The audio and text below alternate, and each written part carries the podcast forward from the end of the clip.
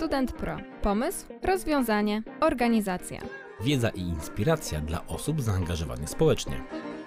Koniec studiów i co dalej? Szukanie pracy. Koniec studiów i wejście na rynek pracy jest często nie lada wyzwaniem. Dlatego od czego zacząć, aby wejść na rynek i zacząć rozwijać się w pracy marzeń? Porozmawiam o tym oczywiście w niezmiennym towarzystwie Kamila Nawirskiego.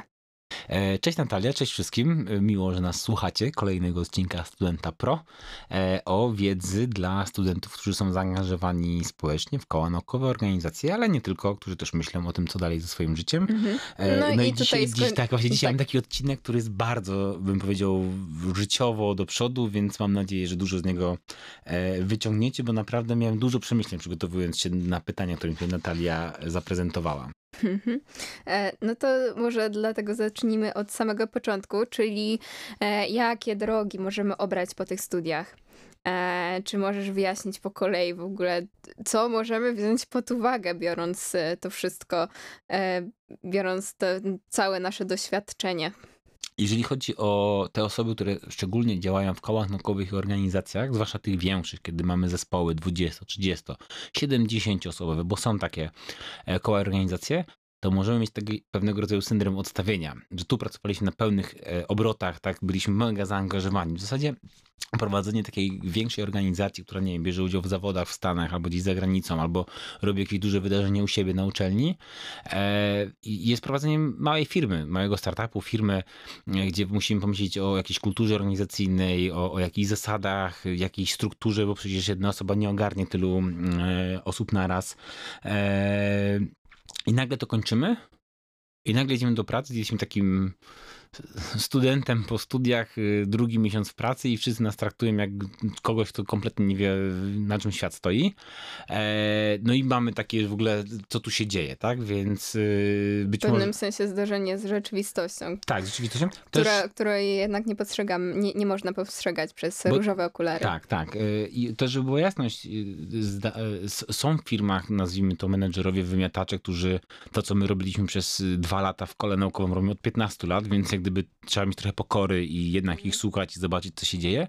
Natomiast możemy mieć takie pierwsze zderzenie z rzeczywistością, że, że my czujemy, że możemy dużo więcej ogarnąć i zrobić, natomiast dostajemy dużo prostsze zadania i trzeba się z tym pogodzić i jakoś powolutku się w tej firmie zorientować, zobaczyć, jakie są zasady gry i powoli dać się poznać jako ta osoba, która mhm. potrafi trochę więcej, która ma dobre pomysły, która może kimś zarządzić, która może coś więcej. No właśnie, ale jednak fajnie to potraktować jako w pewnym sensie wyzwanie, gdzie możemy pokazać swoje rzeczywiste umiejętności. Ale zacznijmy może jednak od początku i zastanówmy się nad, nad e, tymi drogami które możemy obrać po studiach. Pewnie studenci mają ogromny miszmasz w głowie, patrzą się na wszystkie strony, widzą zewsząd e, wachlarze możliwości, e, ale jakie drogi po studiach, Kamilu? Wiesz co, to, to ciekawie mówisz o tym, że, że, że, że, studenci widzą te różne wachlarze. Ja mam wrażenie, że z, jak ja byłem na studiach, to raczej było takie nastawienie, ym, jesteśmy na studiach po to, żeby pójść do firmy, żeby zrobić uprawnienia budowlane, no bo ja z, tej części jestem, gdzie, gdzie trzeba było robić uprawnienia. I w ogóle prawie nie było wątku, że można robić coś innego, że można pewne rzeczy zorganizować inaczej. E, ja byłem takim jedynym gościem, który w ogóle poszedł gdzieś na bok do jakiejś fundacji. W ogóle już po trzecim roku wiedziałem, że nie będę pracował w zawodzie. Mhm. E, ale e, stwierdziłem, że jako osoba, która ma być docelowo menadżerem, osobą, która dobrze zarządza swoim czasem, to muszę być w stanie skończyć studia. Byłem na jednolitych, więc tam jak gdyby wyzwanie było Ojej. takie, że jeżeli nie dojadę do piątego roku, to będę gościem po maturze, więc jednak trzeba było te dwa lata, a finalnie trzy, że tak powiem, E, się postarać i, i, wszystkiego się nauczyć, zrozumieć i, i, zdać. Natomiast wracając do mm, tego, jakie mamy możliwości, no to jest ta praca na etacie, praca dla kogoś, mm, którą mam wrażenie, że przez długi czas dla mnie była przedstawiana jako jedyny wariant, co dalej. E, no i to ma dużo plusów, tak? To, są, to jest spokój, bezpieczeństwo, o wiele rzeczy się nie martwimy. To są wiele rzeczy zmartwieniami naszego pracodawcy. Jak pracujemy na umowę o pracę, to mamy szereg y, z jednej strony takich benefitów, z drugiej strony zabezpieczeń takich prawnych. E, mamy w, Polsce dużo takich rzeczy, które dbają o pracownika. E, jednak możliwe, że gdzieś utkniemy na dłużej, gdzie, gdzie wylądujemy w miejscu, gdzie nie do końca możemy się rozwijać, albo nie do końca robimy to, co byśmy chcieli robić. Musimy myśleć nad tym, żeby nie, nie, nie wypalić się zawodowo więc są też minusy pracy na, e, na etacie, chociaż jako dobry początek po studiach myślę, że warto od tego zacząć. No, większa ile... rutyna i stabilność. Tak, tak. No i też łatwiej później jakieś kredyty i takie inne przyziemne rzeczy, które są ważne, zwłaszcza na, na samym początku mm, e, naszego e, życia. No i szczególnie jeżeli jesteśmy w stanie w tej firmie się rozwijać, bo trafiliśmy w miejsce, gdzie jest ileś tam etapów, poziomów do góry, no to faktycznie można tutaj się zadomowić i powolutku sobie zdobywać e, punkty. Jest taka książka, która się nazywa Pierwsze 90 dni podlinkujemy e, w opisie, która właśnie opisuje, może trochę bardziej z perspektywy już doświadczonego menadżera, ale myślę, że jak ktoś zaczyna, to warto sobie też przeczytać tą firmę, e, tą książkę i, i się zorientować, na zwrócić uwagę w nowym miejscu e, pracy, żeby też tak dobrze wejść w to środowisko. Drugą rzecz, którą bym tutaj przedstawił, to jest przedsiębiorczość, czyli własna firma. Tu oczywiście odsyłamy do podcastu o przedsiębiorczości, który nagrywamy, nagrywaliśmy w tym sezonie. Natomiast tutaj, jeżeli chodzi o takie główne cechy z tym związane, to, to jest na pewno wiele wyzwań. To jest z jednej strony praca cały czas, bo cały czas gdzieś tam z tyłu głowy, nawet w sobotę pod prusznicem trochę myślimy o tym, co w mhm. naszej firmie, ale z drugiej strony możemy tak zarządzić firmą, tak zdelegować zadania, że sobie w środku tygodnia pojedziemy na przykład na narty albo do ciepłego kraju poza sezonem i sobie odpoczniemy. Mhm. Bo, bo Raczej jestem... wtedy warto e, patrzeć tak dalekosiężnie i zastanowić się, co będzie, jak to wszystko się ustabilizuje. Tak. E, I też żeby wyjaśnić, to nie jest tak, że jak jesteście przedsiębiorcą, to się nie ma szefa, ponieważ szefem są twoi klienci. To od klientów zależy. Yy, trudno, bo też porównując trochę z etatem jak będę, jestem na etacie i mam urlop albo L4, to mam wolne. Natomiast klientów nie interesuje nasz urlop i nasze L4 i jakoś trzeba tą pracą zarządzić, mieć jakieś osoby zaufane, które nam pomogą, które z nami mm, pewne rzeczy e, zrobią. Natomiast właśnie skupiając się na tej dłuższej perspektywie, możemy myśleć o tym, co, co, co będzie, na przykład skupić się na tym, żeby mocno rozkręcić tą firmę, popracować te e, nie wiadomo ile godzin tygodniowo, ale żeby później były z tego m, mm, takie właśnie benefity, że mamy trochę więcej luzu. Jeszcze myśląc o plusach yy, bycia przedsiębiorczym, to jest na pewno duża samodzielność i wolność, że, że sami decydujemy o pewnych rzeczach. Jeżeli powiemy sobie, że w piątki nie pracuję, to nie pracuję. Oczywiście trzeba zweryfikować, czy wtedy na koniec miesiąca jest odpowiednio dużo yy, przychodów. I jeżeli chodzi o przychody, to właśnie też ta działalność, yy, te działania przedsiębiorcze mają, dają nam szansę na wysokie przychody nie ma górnego limitu. Jeżeli dobrze zarządzimy e, naszymi klientami, obsługą klienta, z pracownikami, no to nie, nie, nie, ma limitu górnego. Na etacie jednak zawsze ktoś mówi, no hola hola. Firma musi jeszcze też mieć coś dla siebie, więc jak gdyby to są jakieś tam mhm. widełki na tym stanowisku, więcej po prostu nie przeskoczysz, co byś nie, mm, nie nie robił. Tak trochę może też yy, patrząc ogólnie na różne rzeczy, które można robić w życiu, no to to są chyba dwa takie obszary, gdzie nie ma, yy, albo gdzie ten limit zarobkowy jest bardzo wysoko, albo wręcz go nie ma. Po, yy, oprócz przedsiębiorczości to jest właśnie praca w sprzedaży, gdzie się ma po prostu jakiś fee od tego, co się sprzedało e, i top management. Tam też może się zdarzyć, że są bardzo wysokie zarobki. No w wielu innych stanowiskach jest jakiś pułap powyżej, którego nie przeskoczymy. E, krótko mówiąc, e, działalność taka przedsiębiorcza to, to jest na pewno duży mm, rozwój osobisty. Mhm. Dużo rzeczy się no, uczymy. Tutaj więcej wspominamy o podcaście przedsiębiorczości. Tak możemy spełnić swoje marzenia, jeżeli dobrze poukładamy tę mm, tą naszą mm, pracę. E, I e, mamy wpływ na społeczność, no bo jeżeli nasza firma się rozrasta, mamy coraz więcej osób zatrudniamy, no to też musimy, już jesteśmy odpowiedzialni nie tylko za siebie, ale też za innych. Co ma oczywiście znowu plusy i minusy. A co z minusami tej przedsiębiorczości? Żeby nie było tak kolorowo, Mhm. yy, to szybciutko, bo mamy ten Mhm. drugi odcinek o, o przedsiębiorczości, ale na pewno jest większe ryzyko finansowe. Jeżeli się uda, to jest dobrze, to jest ta szansa na wysokie za, zarobki. Natomiast jeżeli się nie uda, no to w zależności od formy, jaką mamy, yy, odpowiadamy za to, mm, co się dzieje. E, Jest wiele czynników, które można nas wpłynąć. Nie mamy do końca pewności, czy będziemy zatrudnieni. Na etacie też w sumie mogą nas, mogą, że ktoś nas zwolni, więc to też nie jest tak totalnie różowo. Natomiast tutaj, jeżeli e, zmienią się pewne sytuacje na rynku, no to mm, musimy na to uważać. Możemy być przytłoczeni nadmiarem obowiązku, zwłaszcza na początku. Trzeba dobrze zarządzać swoim czasem i o Mhm. tym też jest Psychicznie odcinek. też więc, się na to tak, nastawić. więc y, odsyłamy. No jest większy stre, stres i, i presja, natomiast to są rzeczy, którymi da się zarządzić, którymi trzeba sobie dawać radę, jeżeli chcemy iść w tą e, stronę. I trzeci taki, taka rzecz, którą można powiedzieć, odkryłem niedawno, e, to jest w ogóle bycie freelancerem. Czyli osobą, która po prostu jest ekspertem mm, w swojej dziedzinie, pracuje dla wielu klientów, nie ma stałego Mhm. Partnera i to oczywiście znowu ma plusy i minusy. E, Z jednej strony jest dużo rzeczy takich właśnie, że musimy jeszcze dbać o ten kontakt, pozyskiwanie klienta i tak dalej, tak ale z drugiej strony, jeżeli będziemy rozchwytywani, nasi klienci będą nas polecali, to nagle się okazuje, że mamy nadmiar chętnych na nasz czas i musimy, nie wiem, albo podwyższyć ceny, albo dotrudnić kogoś, jakiegoś asystenta, albo pozlecać pewne działania, więc... y, są duże możliwości, jeżeli chodzi o, o, o bycie e, tak, ale takim jednoosobowym, takim freelancerem, który się specjalizuje w czymś. E, Są też portale dla freelancerów, gdzie y, można się ogłaszać, czy łapać po prostu zlecenia, więc no tu jest y, też ogromny mm, taki mm, przestrzeń do mm, działania, jest taka większa elastyczność, jest duży rozwój zawodowy, A, a z drugiej strony są te właśnie minusy trochę jak przy byciu przedsiębiorcą, czyli nie mamy stałych dochodów, jak nie mamy klienta albo jesteśmy chorzy, no to już nam nikt nie płaci, więc y, tutaj też trzeba pamiętać o tym, żeby mieć jakąś swoją poduszkę finansową i być na taką sytuację e, przygotowanym. E, Zaczęły się takie górki z pracą, że jest, raz jest nadmiar pracy, a później nie ma żadnego klienta i w zasadzie nie wiemy, co są zrobić.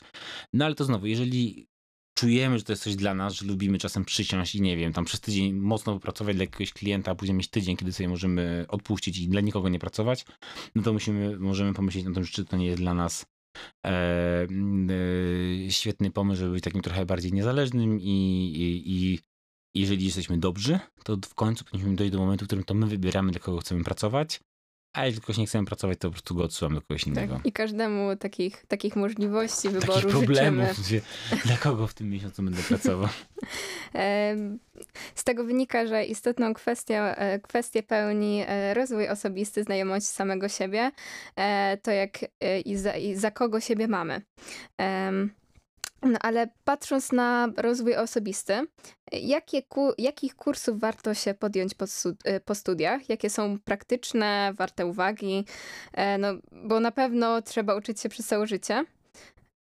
Ale kursy zakończone jakimś certyfikatem mają jednak jakąś większą wartość niż e, filmiki na YouTubie. Tak, tak jak mówisz, trzeba uczyć się przez całe życie. Yy, Myślę, że filmiki na YouTubie też są pewnego rodzaju mm, miejscem, z którego możemy się zainspirować, Tak, zorientować. Zwłaszcza jak są takie, mm, chociażby taki kanał Przeciętny Człowiek. Tam są 15-20-minutowe filmiki i się można naprawdę zorientować w jakiejś dziedzinie, której nie znamy. Bardziej chodzi o takie kursy, które można na przykład wpisać w CV, które są Tak, już- bardzo już- dobrze już- już- postrzegane. Już do, tego, już do tego przychodzę. Ja myślę, że jeżeli myślimy mm, o kursach po studiach, no to też znowu mamy trzy, trzy możliwości. Albo pójść w rzeczy, które nas po prostu interesują. Na przykład, nie wiem, chcemy się nauczyć Photoshopa, bo być może to będzie coś, co nas zainteresuje, może będziemy chcieli się przebranżowić, więc tych kursów jest sporo. Może jesteśmy zainteresowani dla siebie życiowo psychologią i też są kursy na ten temat, można sobie zajrzeć. em, poszukać. E, Można pomyśleć nad kursami takimi stricte po to, co się nam przyda do pracy, albo czym chcemy zabłysnąć na rozmowie, czyli tutaj bardzo mocno Excel, który często jest używany jak kalkulator i wszyscy mówią, znam Excela, a jak się go zapyta kogoś o jakieś formuły bardziej, tabele przestawne, inne historie, nagle się o, nie wiem, nie umiem, nie znam się i więc uważajcie, jak wpisujecie, że znacie Excela w swojej CV, bo to oznacza, że umiecie coś więcej niż napisać formułę mnożenia, dzielenia i tabelkę. Tak, a na politechnikach, e, na politechnikach on jest często pomijany i robi się inne programy, więc na własną rękę warto jednak. Warto i też jest dużo różnego rodzaju kursów i stacjonarnych i online, yy, gdzie można się naprawdę odkryć ten program, bo to jest tak, że większość społeczeństwa wykorzystuje, nie wiem, może 2 albo 3% tego programu. Yy, Excel jest tak dużym kombajnem, że nie wiem, czy jest ktokolwiek, kto, umie, kto jest w stanie korzystać ze wszystkich funkcji, ale też nie ma potrzeby korzystać ze wszystkich funkcji. Potrzebujemy korzystać z tych funkcji, które są potrzebne w naszej działce, w naszej pracy. Ja na przykład bardzo dużo wykorzystuję rzeczy związanych z zarządzaniem danymi. Mamy tam, nie wiem, tysiąc rekordów i tego się nie da przeklikać szybko samemu ręcznie, bo ludzie mają taką tendencję, że jak jest 100 czy 200, to dam radę, nie? A są formuły, które pewnie upraszczają i, i można z tego... Mm, z tego mm, korzystać. E, jest kilka portali, e, na których można się uczyć. Tu po prostu podlinkujemy kilka tych najbardziej popularnych, jak strefa kursów, y, i drugiego nie pamiętam jak się nazywa, więc bez sensu. I tutaj podlinkujemy y, te najbardziej popularne, żebyście mogli sobie y, do nich zajrzeć.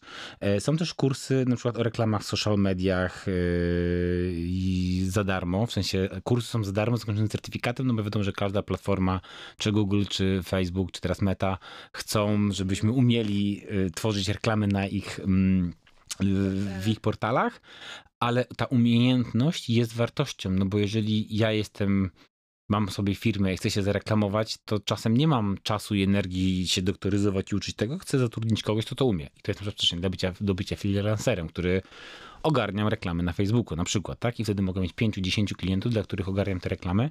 E, więc jestem specjalistą w swojej dziedzinie, doglądam pewnych rzeczy i umiem to po prostu dobrze zrobić. I jest to potwierdzone certyfikatem kursu, który zrobiłem za darmo i tak można w ogóle wejść sobie na, na, na nowy rynek. Są też kursy Polskiego Funduszu Rozwoju, głównie dla MŚP, e, ale też o zamówieniach publicznych. E, ja mam taki przykład, że potrzebowałem się szybko dokształcić z ESG, czyli z, z raportowania niefinansowego dla firm. To coś nowego, co teraz wchodzi. Mhm. E, dawniej było CSR, teraz ESG za chwilę będzie obowiązkowe dla, dla wszystkich firm. No i po takim kursie, który tam trwał ileś godzin, były do tego pytania, dostałem certyfikat i powiedzmy, że jestem zorientowany w temacie. Oczywiście to nie jest odpowiednik, nie wiem, skończenia studiów, ale to jest tak, że wiem w ogóle z czym to jest związane i być może jestem w stanie to połączyć z jakimiś innymi rzeczami, których też się nauczyłem. I jak właśnie przechodzimy do studiów, to są studia podyplomowe. Chyba każda uczelnia ma jakieś studia podyplomowe, czyli właśnie to miejsce, gdzie skończyłem studia, idę do pracy, ale potrzebuję jeszcze jakiejś umiejętności. Okazuje się, że jeszcze potrzebuję w firmie umieć coś związanego z, nie wiem, na przykład księgowością, albo z czymś związanym z HR-ami, albo z czymś związanym z czymś bardzo branżowym w, w mojej branży. Trzeba sprawdzić, czy są takie mm, tematy i warto pójść. To jest trochę droższa zabawa e, niż takie mhm. kursy online. No, I bardziej też, czasochłonne. I bardziej czasochłonne, ale też jest dużo większa wartość, bo mhm. też pamiętajmy, że studia podyplomowe z jednej strony są wiedzą o nauczycieli akademickich, którzy nas uczą, a z drugiej strony są networkingiem innych osób, które również potrzebują tych y, kursów, więc y, idąc przykładowo na MBA, z jednej strony idziemy z myślą o wiedzy, którą dostaniemy i dyplomie, a z drugiej strony o, o ludziach, których tam poznamy i z którymi będziemy mogli e, mieć później po prostu e, sieć znajomych i trzeba pamiętać, że to są studia, więc trzeba się wstrzelić w nabór. Czyli jeżeli na przykład sobie wymyślimy w grudniu, że chcemy iść na studia, to i tak musimy poczekać na przykład do lutego, kiedy będzie nowy semestr, albo jak wpadniemy wpadniemy na pomysł y, w jakimś takim miesiącu, kiedy nie ma naboru, to musimy tam przed pół roku poczekać, więc na to Dlatego trzeba zwrócić. trzeba czatować. Znaczy, no, trzeba jakby to przemyśleć i, i to, to jest też do, do, do, do, do za jakiś czas do, e, do, do złapania. E, też czasem e, studia podyplomowe są finansowane lub dofinansowane przez pracodawcę, więc to też na to trzeba się zorientować, czy jest taka możliwość, albo w ramach negocjacji pracodawca mówi, nie dam ci podwyżki, ale mogę ci, może, może przyjść do pracodawcy i powiedzieć, mhm. dobra, nie ma szansy na podwyżkę, to poproszę chociaż połowę czesnego. E, I to też są jakieś rozwiązania, bo, bo znowu wracając do tego, co jak mówiliśmy w odcinku o przedsiębiorczości o formach opodatkowania, dla firmy się okazuje, że jest to koszt mhm. uzasadniony, więc płacą mniej, płacą mniej ratują trochę podatków, więc mhm. to, to jest jakaś taka możliwość też do wynegocjowania. Tak, dokładnie. Więc e, warto o tym pamiętać, że to nie tylko ty e, możesz e, na tym skorzystać, ale też twój pracodawca. Więc tutaj można z większą dawką pewności siebie do tego podchodzić. Tutaj podam taki może historyjkę na zasadzie mm, młoda firma, firma, tutaj podam może taką, tutaj może podam taką historyjkę. Firma przychodzi kierownik do prezesa firmy i mówi nasi tam pracownicy chcą się szkolić, ale to dużo pieniędzy kosztuje, a później być może oni uciekną i już ich nie będzie i to w ogóle nie ma sensu. Na co prezes mówi, no dobrze, ale jeżeli ich nie wyszkolimy, a zostaną, Więc lepiej inwestować w siebie, inwestować w pracowników, jeżeli macie, y, jesteście po tej stronie, e, e, żeby, żeby się uczyli. Inną sprawą to jest do, do rozważenia jakieś mm, y, umowy, lojalki, to się tak ładnie nazywa. Pamiętam, że kiedyś mieliśmy grafika fundacji i on chciał pójść na jakieś studia i się umówiliśmy tak, że po prostu finansujemy mu te studia, a jeżeli skończy pracę u nas szybciej niż przez tam dwa lata od tych studiów, to po prostu pokrywa część kosztów tego kursu. Tam jakoś to było mhm. wyliczone, że z każdym miesiącem jak gdyby schodziła ta cena. I faktycznie tak wyszło, że on chyba po półtora roku skończył z nami pracę i za to pół roku jak gdyby zapłacił nam, to była taka umowa na coś, żeby nie było tak, że skończył kurs i, i następnego dnia znikł, więc to było bardzo fair, jemu też to się pasowało, no bo znowu z jego perspektywy jako studenta dorabiającego sobie fundacji, on nie miał kasy, żeby nagle wyłożyć tam, nie wiem, tam 2 czy 3 tysiące za jakieś y, kursy czy studia, a dla fundacji to też nie była jakaś taka duża kwota, więc można szukać rozwiązań. Tak, dokładnie, ale zastanówmy się teraz, jak już jesteśmy po tych kursach, decydujemy się na etat, e, gdzie szukać pracy? E, czy masz jakieś ciekawe protipy z tym związane? Wiadomo, są portale typu pracuj.pl, LinkedIn, e, gdzie na pewno trzeba się ogłosić, ale co jeszcze? Mówisz, są te wspomniane portale i to, co warto wiedzieć, że na nich można ustawić sobie alerty. Jeżeli wiemy, gdzie chcemy pracować, że chcemy być specjalistą od tego, tego, albo mamy swoją branżę, to warto tutaj na nie zajrzeć. Są jeszcze, mm, warto może wspomnieć Rocket Job, y, no i też są portale specjalizujące się dla ludzi w, mm, w IT. Podlinkujemy w opisie y, kilka, kilka tych portali, żeby można było się zorientować. Y, więc możemy ustawić alerty, E, możemy się zorientować, bo też jest tak troszkę, że na niektórych portalach już na nie zajrzymy i pogrzebiemy, to się zorientujemy, kto się tam prezentuje, tak? Są takie mhm. portale, gdzie na przykład prezentują trzy firmy na krzyż i zawsze mnie to fascynuje, jak te portale funkcjonują, no ale po prostu te, tam trzy firmy są i, i, jakoś to funkcjonuje. E, część firm ma swoje własne portale, swoje własne miejsca ogłoszeniowe, no to też trzeba zwrócić uwagę. E, na LinkedInie jest, jest, jest, trochę więcej takiej mm, pracy zdalnej, pracy międzynarodowej. E, inne są bardziej lokalne, gdzie tutaj jakby mocno w Polsce są mm, firmy polskie mm, pokazane. Warto wybierać na targi pracy, zarówno takie offline'owe, stacjonarne, czy na uczelni, czy gdzieś poza, jak i online'owe, no bo krótko mówiąc, jeżeli jakaś firma się prezentuje na targach pracy, to szuka pracowników. No to już lepszej rekomendacji nie może być. Eee, no i też takim miejscem, jeżeli mówimy o ProTripach, są konferencje branżowe. Są miejsca, gdzie po prostu można spotkać osoby decyzyjne z firm, które na przykład myślą o tym, hmm, przydałby mi się ktoś taki i taki, ale nie mają czasu ogarnąć tego, żeby zrobić rekrutację, opisać stanowisko. Jeżeli z taką osobą poznamy, może że doceniemy pracę tak po prostu e, z miejsca. Robiliśmy spotkanie networkingowe dla o deep techu i innowacyjnych technologiach, no i na, na, imionach mieliśmy, prosiliśmy uczestników, żeby dopisali takie tagi, czym się interesują, na czym się znają, w czym są dobrzy. No i jakiś gościu daje mu tą naklejkę, mówi, no ale ja jestem studentem pierwszego roku, ja nic nie umiem, nie? Ja mówię, no to napisz, że masz dużo wolnego czasu i w co tam studiujesz? No IT, jakąś tam informatykę. I obok stał szef firmy informatycznej, który jak usłyszał, że jest gościu z pierwszego roku IT i ma dużo wolnego czasu, to już poszli razem na kawę porozmawiać. Nie wiem, jak to się skończyło, ale okazuje się, że, że, że każdy ma coś do zaoferowania, no i wyobrażam sobie, że taki prezes ma dużo prostych zadań, które chętnie by zlecił komuś na pierwszym, drugim roku, komuś, kto jeszcze nie będzie programował, nie będzie programistą, ale może pomagać, a z drugiej strony ten student już będzie łapał doświadczenie w normalnej firmie i, i też sobie przy okazji dorobi w trakcie No i on by studiów. będzie też tworzył sobie takiego wiarygodnego przyszłego pracownika. Dokładnie.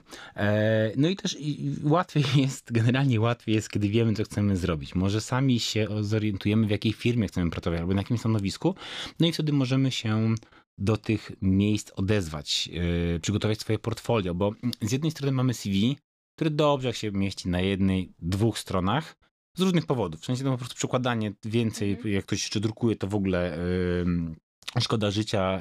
E, dwie strony to jest myślę tak optymalnie, dwustronnie sobie wydrukować, jakoś te dokumenty się trzymają. Natomiast jeżeli na przykład jesteśmy po kole naukowym czy organizacji studenckiej, gdzie robiliśmy różnego, różnego rodzaju projekty, wydarzenia, to nawet jak piszemy w CV hasło, że robiliśmy i tu nazwa wydarzenia, to nikomu to nic nie mówi. Natomiast jeżeli napiszemy sobie w CV, że byliśmy szefem, czy tam w zarządzie, czy koordynatorem jakiegoś projektu i on polegał na tym, na tym, dosłownie dwa, trzy zdania, a później w załączniku będą jakieś zdjęcia.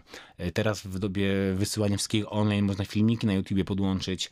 Ja, ja na przykład sobie przygotowałem jak y, szukałem czegoś nowego, taki dokument, który miał jedną stronę, ale to były projekty i linki do y, YouTube'a z, z filmikami projektu, które robiłem. Mhm. Tak, żeby ktoś był w stanie się zorientować, jak wyglądały te wydarzenia, które, mm, które organizowałem przez ostatnie, e, ostatnie lata, więc to. mm, To jest też taki pomysł, żeby nie czekać, aż ktoś coś ogłosi, tylko spróbować pójść gdzieś, gdzie być może jeszcze nie podjęli decyzji o ogłoszeniu, ale jakby Mhm. ktoś przyszedł i Być o powiedział, jeden że, krok do przodu. tak, tak, no bo y, widziałem to wielokrotnie, kiedy ktoś po prostu y, od momentu decyzji, że potrzebujemy pracownika do ogłoszenia chwila mija. Jeżeli firma jest duża i ma swój dział HR, no to wiadomo, on to wszystko ogarnie i to będzie. No ale jeżeli firma jest troszkę mniejsza, może jakieś y, małe, średnie przedsiębiorstwa, tam często ktoś ten HR ogarnia przy okazji, nie ma do końca na to czasu, więc jak się wpadnie jako dzień dobry, ja chciałbym u was pracować, umiem to i to, to być może zgarniemy robotę, zanim będzie ogłoszenie. Mhm. E, No właśnie, jak się przygotować do takiej e, rozmowy, ja to nazwałam rekrutacyjną, ale do takiej ogólnej rozmowy, nawet jeżeli z buta przychodzimy i mówimy, że mamy tutaj do zaoferowania swoje usługi, swoje e, umiejętności. E, Mam pewien problem, ponieważ w zasadzie od ponad 10 lat rekrutuję ludzi, a ostatnio półtora roku bardzo intensywnie rekrutowałem ludzi na konkretne stanowiska E, i mało bywałem po drugiej stronie jako ten aplikujący. E, No ale tro, troszkę będę opowiadał może z to, co ja mm, zauważyłem. Błędów osób, które... Yy, tak, ale też zauważyłem to, jak sobie patrzę na, na, na rynek pracy, to mm, oczywiście są firmy, które są mega przygotowane yy, i jest cała procedura, przychodzimy na rozmowę, ktoś nam opowiada o firmie, o stanowisku, e, o procesie rekrutacyjnym, ale często idziemy na rozmowę do kogoś, kto tego nigdy nie robił, nie zna teorii, po prostu próbuje jakoś na czuje się zorientować, e, czy będziemy dobrym pracownikiem, czy nie. E, Więc to, to jest już w ogóle punkt pierwszy, że, że nie wiemy na, na jaki proces rekrutacyjny trafimy i trzeba być na, na wszystko, że tak powiem, e, Przygotowane. przygotowanym. Tak. Natomiast już jeżeli chodzi o, o, o rozmowy, należy być przygotowanym na takie pytanie, jakie mamy mocne strony i tu nie chodzi o to, że super pieczemy ciasto, e, tylko o te mocne strony, które mogą być, które są skorelowane z tym, na jakie stanowisko aplikujemy. Tak, no bo to nie chodzi o to, żeby się nagadać, tylko o to, żeby mówić o rzeczach, które, które po drugiej stronie ktoś, czy rekruter, czy ta osoba, która prowadzi z nami rozmowę, będzie wyłapywało jako plusiki do naszej obecności w tej em, firmie. Em, więc trzeba przemyśleć to, co. No to, to nie jest tak, że idziemy na rozmowę i na miejscu wymyślałem pewne rzeczy. Warto pewne wręcz frazy, zdania, przykłady z życia. E, Jeżeli ktoś nam zada pytanie o doświadczenie, no to nie zaczynamy drapać się po głowie i patrzeć na sufit, o którym tu doświadczenie powiedzieć, tylko od razu mamy, ba, gotowe. Nie wiem, pracowałem w gastro w trakcie studiów i mogę dużo opowiedzieć na przykład o problemach z klientami, którzy to, tamto, wam to, no bo też czasem ludzie nie doceniają swo- swoich rzeczy swojego doświadczenia, czyli pracując w gastro mamy super doświadczenie z klientami, tak? Wydałaby się, wydała, wydawałaby się to jednak taka prozaiczna praca, a jednak można z niej bardzo jest dużo bardzo rzeczy duże i, i prawda jest taka, że ja znowu przeglądając CV, jak widziałem kogoś gastronomię, to i wiem, że to była gastronomia, gdzie ktoś pracował na przykład dwa lata w trakcie liceum, to jest kilka informacji dla mnie, że Mhm. po pierwsze ta osoba pracowała i wie o co chodzi, że trzeba na jakieś zmiany chodzić, przychodzić na czas i tak dalej. Przeżyła jakieś trudne, w ogóle gastro jest takim, taką szkołą życia, nie? Czyli osoby, które przeszły przez gastro naprawdę są W cyrku się nie śmieją. coś w tym stylu. Wie, wie, więc absolutnie nie ma co ukrywać. Wiadomo, że jeżeli gdzieś tam tego jest bardzo dużo, to trzeba wy- wyłonić dwa, trzy najciekawsze i, i Mhm. jak gdyby zostawić, żeby to też CV dwie strony, pamiętajcie. Zwłaszcza jak to jest prosto po studiach, to nie ma co pisać na, na więcej stron. Tak powiem e, brutalnie, ja się upnąłem na dwie, więc myślę, że y, trzeba, trzeba, e, trzeba chcieć. Mm, e, Pytanie, które często się pojawia o, o, o słabości, ale to nie chodzi to, żebyśmy znowu opowiadali o jakichś naszych bardzo osobistych słabościach. Bardziej pomyślmy nad tym pytaniem jako o rzeczach, które wiemy, że musimy nad nim pracować. Mhm. Na przykład, mam kiepski angielski, ale jak zacznę pracę, to będę robił to, to i to. Albo e, nie do końca kumam w Excel, ale mam plan, żeby to nadrobić, tak? Jeżeli te, te, te, te, te rzeczy są jak gdyby istotne, też żeby być fair z pracodawcą, no bo to nie chodzi o to, żeby nas ciemniać na rozmowie, powiedzieć tak, pewnie umiem to, tamto, wam to, a później jest pierwszy tydzień w pracy i my się stresujemy i ci ludzie patrzą na nas dziwnie, więc lepiej, lepiej żebyśmy byli mm, szczerzy i powiedzieli pewne rzeczy, bo też y, trzeba sobie zdać sprawę, że nie każda praca jest dla nas, nie każde miejsce jest tym, w którym się odnajdziemy bo, i to działa, mm, działa w dwie strony. No właśnie, dlatego jak zweryfikować te swoje kompetencje przed y, tą słynną rozmową kwalifikacyjną? Warto wiedzieć, do jakiej firmy idziemy, jakie stanowisko aplikujemy. Tak, żeby też dobrze jest być w stanie zabłysnąć, że wiemy, że firma tam jest od 92 na rynku i robi to i to, bo to jednak pokazuje, że jesteśmy zainteresowani naprawdę tą pracą i na nas interesuje. Ja świetnie rozumiem, że ludzie, zwłaszcza w którymś miesiącu szukania pracy, już wysyłają CV, nie patrzą na to, tylko po prostu wysyłają, wysyłają, wysyłają. Jak ktoś się odezwie, dopiero się orientują, że w ludzie ja wysłałem. Eee, ale jak już idziemy na rozmowę, jesteśmy mówieni, to warto, że tak powiem, się zorientować. Zrobić research tak, na temat tej firmy. Eee, I też warto wspomnieć, że biura karier zatrudniają doradców e, zawodowych, z którymi możemy skonsultować swoje CV e, albo porozmawiać o tym właśnie, gdzie szukać pracy, w jakiej branży, albo gdzie nasze umiejętności mogą być potrzebne, bo może są rzeczy, o których my nie pomyślimy z naszej perspektywy, a taki doradca zawodowy widzi dużo szerzej, rozmawia z firmami, e, jest zaangażowany w jakieś targi pracy, czy po prostu ma, to, ma, ma pewną wiedzę ze studiów, której my po prostu nie mamy, bo to jest jak gdyby jego działka, więc warto się zorientować, czy na naszej uczelni jest biuro karier, Obawiam się, że chyba na wszystkich jest, a jeżeli nie, na pewno są jakieś też takie miejskie, miejskie miejsca, gdzie można taką pomoc uzyskać. Mhm. Dlatego warto e, zrobić research, czy może nie znajdziemy przypadkiem jakiegoś mentora, który nam pokaże e, tą dobrą drogę, ale e, jak już mówiłeś o tych słabościach czy mocnych stronach, e, no to właśnie jak zweryfikować te swoje kompetencje przed e, tą rozmową kwalifikacyjną, żeby nie było żadnego fopa, e, że albo stwierdziłam, że wiem za dużo z jakiejś dziedziny, z tego Excela, później przychodzi co do czego, albo z drugiej strony mówię o słabościach i zdecydowanie wyolbrzymiam ten, ten temat. Znaczy, no, na pewno pewnego rodzaju weryfikacją jest to, jak pójdziemy do roboty i dostaniemy pierwsze zadanie, czy drugie zadanie i wtedy będzie weryfikacja. Natomiast myślę, że mm, często, jeżeli chodzi o studentów z kół naukowych, organizacji, e, to jest takie uświadomienie sobie, jakie mamy kompetencje, bo, bo możemy sobie nie zdawać sprawy z tego, co, co umiemy, co potrafimy. Tutaj warto, jak wspomniałeś o tym mentorze, warto porozmawiać może z kimś, kto jest trochę starszy, kto już zatrudnia, albo nawet nie tyle, że zatrudnia jako człowiek, ktoś z HR-u, ale na przykład jest o 10 lat starszy i dostał już pierwszych pracowników jako swoje, że mamy na przykład takich osoby niewiele od nas starszych, ale pracują w jego zespole i on wtedy powie, że dla mnie ważne jest to, żeby ta osoba robiła to i to, ogarniała to i tamto.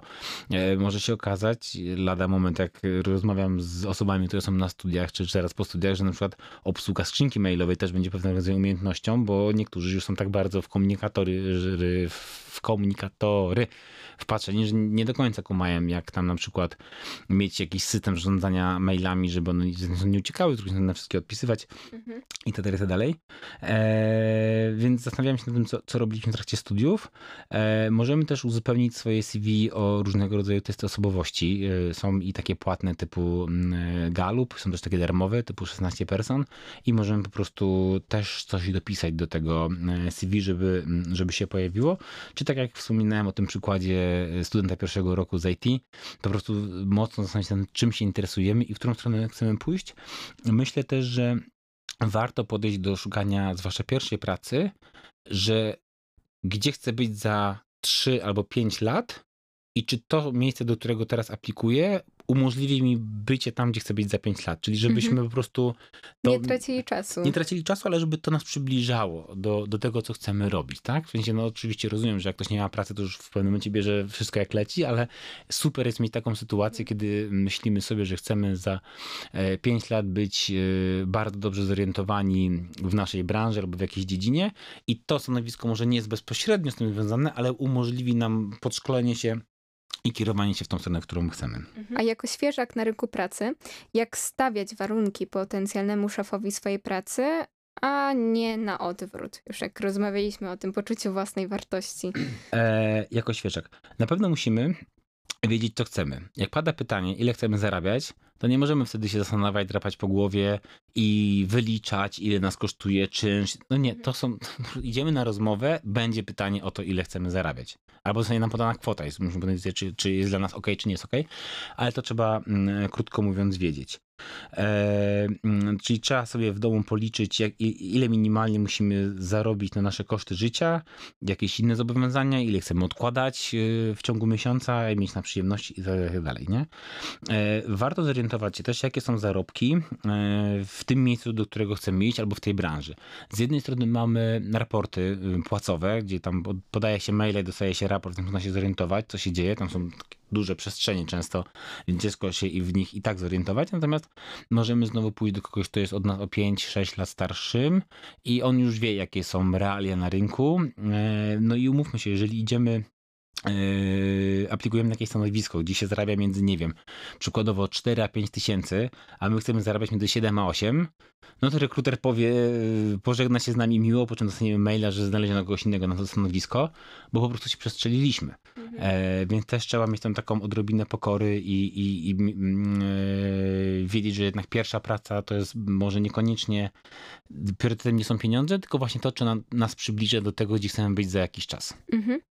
Tak, dokładnie. E, może w ramach zakończenia warto wspomnieć, e, porozmawiać o zjawisku przebranżawiania się, e, nawet po studiach, e, bo wydaje mi się, że to jest coraz bardziej popularne. E, możemy co, co, w coraz łatwiej poprzez darmowe kursy, e, czy dość tanie kursy w coraz łatwiejszy sposób po prostu zmieniać e, te swoje umiejętności na tym rynku pracy. No i dlatego od czego zacząć, jeżeli stwierdzimy, że e, to, co robiliśmy w trakcie studiów, nie jest do końca naszym konikiem. Tak, tak. No, z jednej strony nie jest naszym konikiem, a z drugiej strony rynek pracy powie, że ten zawód albo ta specjalizacja nie jest potrzebna. Mhm. E, bo, bo tak, dzisiejsi powiedzmy sobie mm, uczniowie e, będą pracowali w zawodach, które jeszcze nie istnieją, bo one dopiero powstaną, więc aplikując na studia może się okazać, że będziemy je kończyli i będą zupełnie inne możliwości niż te, które były jak wybieraliśmy e, te przedmioty na, przedmioty na maturę. E, musimy być gotowi, że zaczniemy trochę niżej niż obecnie. Jeżeli już gdzieś pracujemy w jakiejś działce i jesteśmy w tym dobrzy, albo w, no po prostu naturalnie ta pensja rośnie, może się okazać, że przebranżowienie spowoduje, że spadniemy niżej zarobkowo i też trzeba o tym pomyśleć, czy na pewno nas na to stać. Natomiast dobrze o tym pomyśleć, żeby znowu nie wpaść w jakieś wypalenie zawodowe, e, no bo jeżeli coś nam zgrzyta z tą naszą pracą obecną, to warto pomyśleć, czy gdzieś nie wartałoby pójść indziej. Może to jest kwestia ta sama branża, ale inna firma, a może to zupełnie inna, inna branża, inna firma i wszystko. Więc warto wiedzieć, jaką ma się pasję, e, co, co chcemy robić, co nas sprawia przyjemność. E, tutaj też jest ten kwestia, że możemy zaczynać na przykład inne działania po godzinach, czyli mamy swoją pracę, która nas utrzymuje, jesteśmy pewni, że mamy za co ugotować i za co płacić rachunki, ale coś sobie robimy czy weekendowo, czy południowo i ta rzecz nas nakręca. Może to nie musi być wcale działanie mm, przedsiębiorczo może wystarczy jakaś działalność pozarządowa, społeczna, żeby uniknąć tego e, wypalenia. Natomiast jeżeli mówimy o, o, o pieniądzach, no to trzeba pomyśleć nad takimi celami zawodowymi, co chcemy krótko mówiąc robić w perspektywie krótko i długoterminowej, czyli czasem właśnie może trzeba zejść na chwilę niżej, przez chwilę popracować za mniejsze pieniądze, ale wejść w ten rynek, który nas interesuje, a później wystrzelić do góry, jeżeli się okaże, że faktycznie się na tym znamy i nam to e, pasuje. E, warto pójść w miejsce, gdzie, gdzie są potrzebni pracownicy i, i branża, branża jest przy, przyszłościowa. No i tak jak mówiłaś, tą edukację sobie zorganizować właśnie jakimiś kursami, to się zorientować, czy to jest to, co chcemy. Eee, można nawet rozważyć, czy pierwszego zlecenia dla kogoś nie zrobimy za darmo, żeby się zorientować, jak to wygląda. Mhm. Ten ktoś nam będzie mógł wystawić później referencje, bo zrobiliśmy jakąś nie wiem, usługę, raport, jakieś działanie dla niego. I to będzie takie trochę nasze portfolio, żeby łapać kolejnych klientów, albo żeby na tej podstawie znaleźć inną e, pracę. Czyli warto zdobyć jakieś takie doświadczenie, e, zanim się rzucimy jeszcze na głęboką wodę, tylko gdzieś tam łącząc te, te działania. No i e, chcąc zmienić branżę, warto zacząć budować sieć kontaktów w tym docelowym miejscu. Czyli znowu mamy wydarzenia networkingowe, konferencje, spotkania, gdzie, gdzie możemy połapać ludzi, którzy są, też się może od nich dowiemy, że może to nie jest to, co chcemy robić, może trzeba jeszcze czegoś innego poszukać. Więc... jak jesteśmy gotowi na wyzwanie, to można e, po prostu się z tym e, zmierzyć i, i poszukać czegoś, e, czegoś nowego. Ale nie samą pracą człowiek żyje. Tak, że, bo to jest tak, że możemy szukać zupełnie innego miejsca, tak jak mówiliśmy przy branżowieniu, a czasem może wystarczy mieć jakieś swoje stowarzyszenie, yy, fundację, w której się angażujemy. Tutaj zwracam uwagę na wszelkiego rodzaju te stowarzyszenia yy, branżowe, które w których zarządach są doświadczeni, starsi, że tak powiem, koledzy, którzy deklarują, że potrzebują młodych, żeby im przekazywać. Na ile to się dzieje faktycznie, to, to jest sprawa sprawdzenia tego, co się dzieje u was, natomiast jest tego naprawdę dużo, gdzie można się zorientować. Są organizacje z wieloletnimi tradycjami, które potrzebują młode, zaangażowane osoby, więc jeżeli przyjdziemy, powiem dzień dobry, jestem po kole naukowym, chętnie wam tutaj coś pomogę, poorganizuję, to najprawdopodobniej my przyjęcie z otwartymi e, ramionami, a też złapiemy kontakt z tymi osobami troszkę starszymi i będzie można od nich wiele rzeczy się dowiedzieć na temat tego, co się dzieje w naszej branży, w naszej dziedzinie za 5-10 lat y, pracy. Mhm. A może kilka słów o tym już e, w ramach e, takiego zakończenia. Jak, to wy, jak wygląda rekrutacja z drugiej strony? Troszkę się narekrutowałem w życiu, więc trochę jak to wygląda z drugiej strony. Z jednej strony jest tak, że właśnie mamy ten moment, kiedy ktoś by nam się przydał, ale nie ma czasu zrobić ogłoszenia i tak dalej, tak więc ktoś się pojawi, albo ktoś już z pracowników powie, że mógłby się tym zająć, to w ogóle klaszczemy uszami i przesuwamy tą osobę jest super.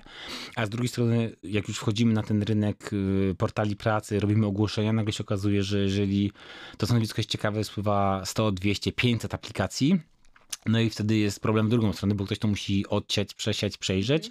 E, więc tutaj też trochę tłumaczę, jak wam ktoś nie odpisuje, no to też miejmy świadomość, że może i zostali zasypani CV i nie są w stanie tego, że tak powiem, e, zrobić. E, no i teraz jest ta różnica, że faceci, jak widzą, że spełniają a, troszkę więcej niż połowę mm, wymaganych rzeczy, to aplikują, tak? Kobiety znowu mają taki problem, że, znaczy problem, takie wyzwanie, że nawet jak spełniają wszystkie wymagania, to jeszcze się zastanawiam, czy na pewno, czy na pewno aplikować, więc tutaj z jednej strony do facetów troszkę więcej, że tak powiem, tych procentów warto mieć, a dziewczyny nie bójcie się zaaplikować, nawet jeżeli coś nie jest do końca tak, jakbyśmy mm, chcieli. E, I y, może jeszcze na koniec wspomnę o języku angielskim. W bardzo wielu y, ofertach pracy jest wymagany angielski, natomiast warto zweryfikować, czy to jest wymagany bo czasem się zdarzy e, ktoś do porozmawiania po angielsku, czy praca w języku angielskim.